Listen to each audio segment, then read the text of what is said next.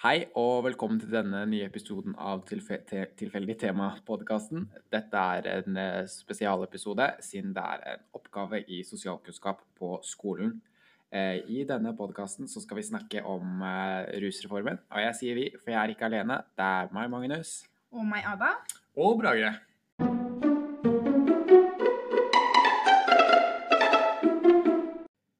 Som sagt så er jo temaet for denne episoden eh, rusreformen. Og da er det kanskje greit å forklare litt eh, kort eh, hva rusreformen er. Rusreformen det er et forslag på en reform fra regjeringen som skal endre måten vi har ruspolitikk i Norge på. Det at vi skal avkriminalisere små brukerdoser, og istedenfor å fokusere på, fokusere på straff i like stor grad som vi gjør i dag, heller gå over på rehabilitering. Ja, så Vi skal egentlig flytte hele russektoren fra justissektoren til Monica Mæland til helse- og omsorgssektoren til Bent Høie på Stortinget i dag. Og vi valgte dette fordi at alle har et forhold til rus, enten det er legale rusmidler som f.eks. Paracet, og da under kontrollert bruk, eller illegale, altså narkotiske stoffer. Ja, og siden vi er en ungdommelig aldersgruppen, så har vi valgt å avgrense da målgruppen vår i denne undersøkelsen eller podkasten til ungdom og unge mellom 12 og 18 år. Og Grunnen til at vi har valgt akkurat denne aldersgruppen, er jo at eh, denne aldersgruppen etter Erikssons livsfasemodell er en veldig utsatt målgruppe, gjerne tenåringer, som da etter Erikssons modell ønsker å finne ut hvem er jeg, hvor ønsker jeg å være, rett og slett finne ut sin identitet. Eh, og dette er jo veldig ofte knyttet tett opp mot rus. Ja, og For å lage denne podkasten har vi brukt en del primærkilder, bl.a. undersøkelsen fra Ungdata med flere, og i tillegg boka Bad Boy. Alle disse er deskriptive kilder. I tillegg har vi brukt normative kilder, som f.eks. Granavolden fra regjeringen. Når vi skal eh, snakke om rusreformen, så er det greit å kartlegge og se hvordan situasjonen i Norge i dag er. Mm. Eh, og undersøkelser fra Folkehelseinstituttet viser at det er desidert cannabis som er det mest utbredte illegale rusmiddelet blant uh, norske ungdommer. Mm. Uh, I tillegg så er det litt interessant å se på statistikker uh, over tid. Blant annet så viser disse samme undersøkelsene at eh, cannabisbruk blant 15- eh, og 16-åringer på slutten av 90-tallet fram til midten av 2000-tallet gikk ned, men i de siste årene så har de startet å sakte, men sikkert gå opp igjen. Ja, og det Magnus tyder litt på en slags holdningsendring kanskje blant eh, dagens unge. Absolutt. Men holdt på å si, dette er jo sånn situasjonen er i Norge. Ja, for det er interessante, interessante tall du viser til. Eh, for det er jo viktig å huske på når vi lager denne podkasten, at Norge er ikke i europatoppen når det gjelder ungdommer som driver med rus. Når vi sammenligner oss med f.eks. Italia, så ligger vi ganske langt nede. Og det er jo ingen som kjenner rusmiljøet bedre enn en som har slitt med rusproblematikk selv. Og Brage, du har jo lest boka 'Bad Boy'. Nei, det stemmer helt riktig det, Ada. Og pga. denne boka som jeg har lest, som handler om den tidligere ekskriminelle Trond Einar Frednes.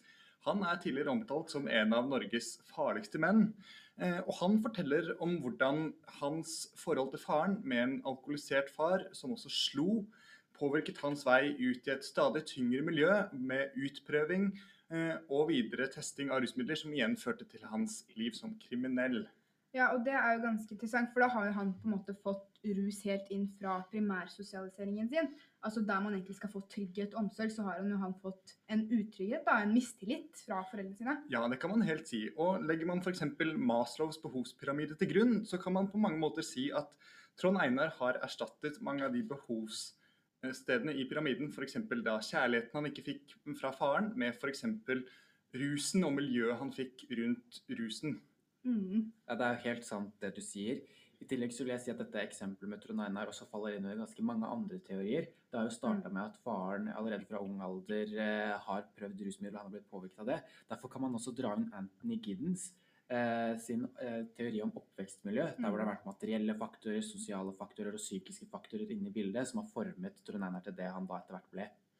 Ja, og Erikssons teori også er jo veldig interessant når vi ser på spesielt Trond Einar sitt om hvordan livsfasen hans fra han var ganske ung til han kom i tenårene, utviklet seg til å bli en stadig tyngre rusmisbruker og utviklet stadig større avhengighet. Og Dette kan også ses i sammenheng med trappetrinnsmodellen, hvor han ganske tidlig i ung alder ble introdusert for eh, legale rusmidler, som f.eks. alkohol, mens senere da utviklet et forbruk av stadig større og mer illegale rusmidler.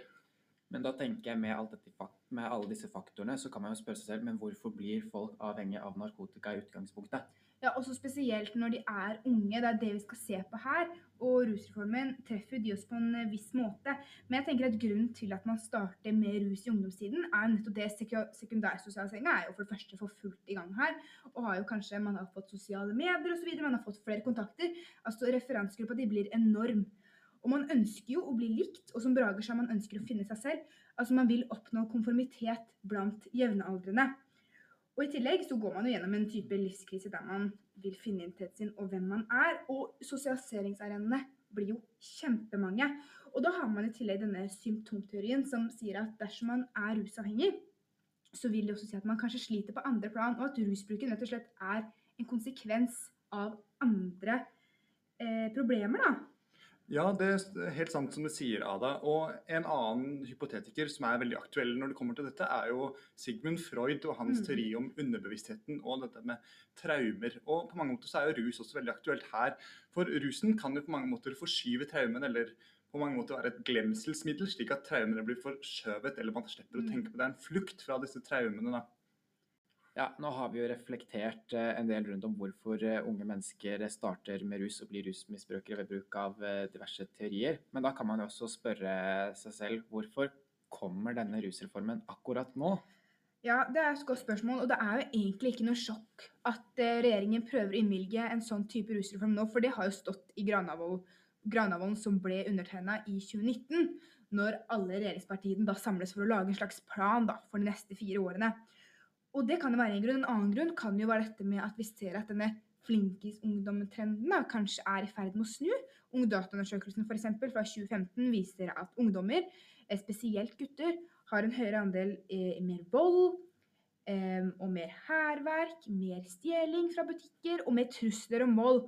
Og dette gjelder også en økning i andelen jenter. Så det kan jo se ut at trenden kanskje er til å snu, at vi har en type holdningsendring da, blant norsk ungdom. Og det er jo for meg et faretegn på at nå må vi gjøre noe med ruspolitikken vår. Vi kan jo også holdt på å si, se mye av det du sier, kan man jo også se hvor velferdsforskjellene i Norge ligger. Eh, Du ser jo bl.a. hvis man tar Oslo som et eh, eksempel, så kan vi også se eh, forskjeller som har endret seg over tid eh, på, mellom Oslo øst og Oslo vest. Det bildet vi er vant til å se fra Oslo, er jo det at det er på østkanten hvor det Mm, brukes absolutt. mest, der du har eksempler som liksom Plata i Oslo og Oslo S. Men i det siste så har vi faktisk sett at det har endra seg litt. Det er som du nevner, flinkisungdommen på Oslo vest Mm. som i stadig større grad har begynt å bruke rusmidler. Ja, og som du sier, Magnus, så er det jo Bruken av rus er jo stadig mer utbredt, og det er forskjellige typer mennesker som bruker rus. Og etter Bourdieu's eh, teori, hvor man ser på kulturell, sosial og økonomisk kapital, så kan man legge til grunn at på bakgrunn av din sosiale status eller din økonomiske status, så vil du falle inn i forskjellige miljøer. Og forskjellige miljøer fører igjen til da forskjellig rus ofte. Eh, og dette er i forhold til denne behavioriske eh, teorien også, hvor man følger handlingsmønstre eller denne kulturen i de ulike subkulturene man da faller inn under. Ja, absolutt, bra. Og det er jo liksom atferdsteorier og den type teori. Og så har du også sånne tilgjengelighetsteorier. Og jeg fant en veldig interessant artikkel her om dagen eh, som var fra, eller tilknyttet til serien Innafor på NRK. Og der hadde de spurt litt norske studenter både ved videregående og høyskoler. Og da var det sånn at de aller, aller fleste var imot dette med såkalte puggepiller. ikke sant? Piller som gjør at man klarer å holde konsentrasjonen oppe mye lenger enn det som er vanlig da, for et menneske. Og da var det sånn at de aller fleste var imot det, men de ville brukt det dersom det var lovlig. Og det tenker jeg at denne tilgjengelighetsteorien bygger veldig opp under. da, At jo mer eh, tilgjengelig et rusmiddel er, jo høyere konsumforbruk vil man ha av middelet, eller Brage? Ja, og det er helt riktig, Ada. Men den samme undersøkelsen eller samme artikkelen viser jo også at flesteparten av dagens studenter så på dette som svært urettferdig, at enkelte av elevene benytter disse puggepillene eller prestasjonspillene. Og dette kommer igjen til en slags stemplingsteori. og hvor man ser på disse som benytter denne formen for rus eller prestasjonsfremmende midler som en slags juksemaker eller en slags doping. Da. Ja, for absolutt. Man får jo en fordel når man ikke har sovet en hel natt og bare sitter opp og lest, og så møter man på eksamen, og allikevel er forberedt uthvilt. Da er det jo noe som ikke det helt skal, da. Eh, Altså, jeg tenker jo i litt andre baner, holdt på å si, Mm. enn det dere gjør. Eh, fordi, eh, sånn jeg forstår, så føles det ut som holdt på å si at den dialogen vi har nå, at det liksom at avkriminalisering vil føre til økt bruk og Mm. flere rusproblemer. Det kan ikke jeg si meg helt enig i, for jeg tror ikke det. Eh, og her har jeg også forskere fra University of Oxford eh, -hmm. med meg. Eh, fordi vi har ingen grunn til å tro at eh, avkriminalisering leder til økt bruk eller økt problematisk bruk. Fordi For det første så er oppdagelsesrisikoen for rusmidler eh, såpass lav at kriminalisering bare har en eh, begrenset avskrekkende effekt. Mm. Ja, og du kommer med mange gode poeng her, Magnus. Men det er viktig å ta i betraktning at flere av våre store, tunge offentlige organer, slik som politiet, FHI og også flere av kommunene, har vært veldig skeptisk til denne nye rusreformen som nå er eh, på gang. Og de mener jo da at det skal bli vanskelig å sette en nulltoleranse, eller få overbevist ungdom om at det er fortsatt nulltoleranse for å bruke illegale rusmidler. Mm. Ja, for den rusformen kan jo kanskje for litt uviten ungdom som ikke har lest seg ordentlig opp på den, vites, virke som en slags altså nesten rød løper inn til noe som heter rusreform, eller rus, da. Og det kan jo også gjøre det vanskeligere å oppdage de som selger, selv om dersom man blir tatt med brukdose, så er det jo viktig å, å påpeke at de blir jo beslaglagt. Men i og med at det er begrenset antall gram eller milligram man kan gå med seg på, da. Og da, jeg, holdt på å si, jeg er glad for at du eh, sier det, Ada. For det er, det er veldig viktig å understreke at den, en avkriminalisering, eh, sånn som rusreformen eh, går inn for, det vil si at det fortsatt er ulovlig eh, Mm. å bruke illegale rusmidler. Eh, men eh, allikevel så er jeg ikke helt enig med det eh, dere sier. Jeg tror bl.a. ikke at det kommer til å bli vanskeligere å sørge for en nulltoleranse for narkotika. For vi, for det første, vi er enige om at narkotika er en dårlig ting. Men allikevel så har jeg igjen forskningsrapporter som backer meg, Mm. bl.a. University of Omaha i USA, fordi USA har begynt en legaliseringsprosess, noe som er en helt annen prosess enn det vi har i Norge, der det viser eh, at den, meste, den beste måten eh, å sørge for at folk, eller unge da spesielt, lar være å bruke narkotika, er det å sørge for å ha en åpen og ikke-dømmende dialog. Og det er akkurat det rusreformen går inn for, at vi skal gå fra straff til hjelp.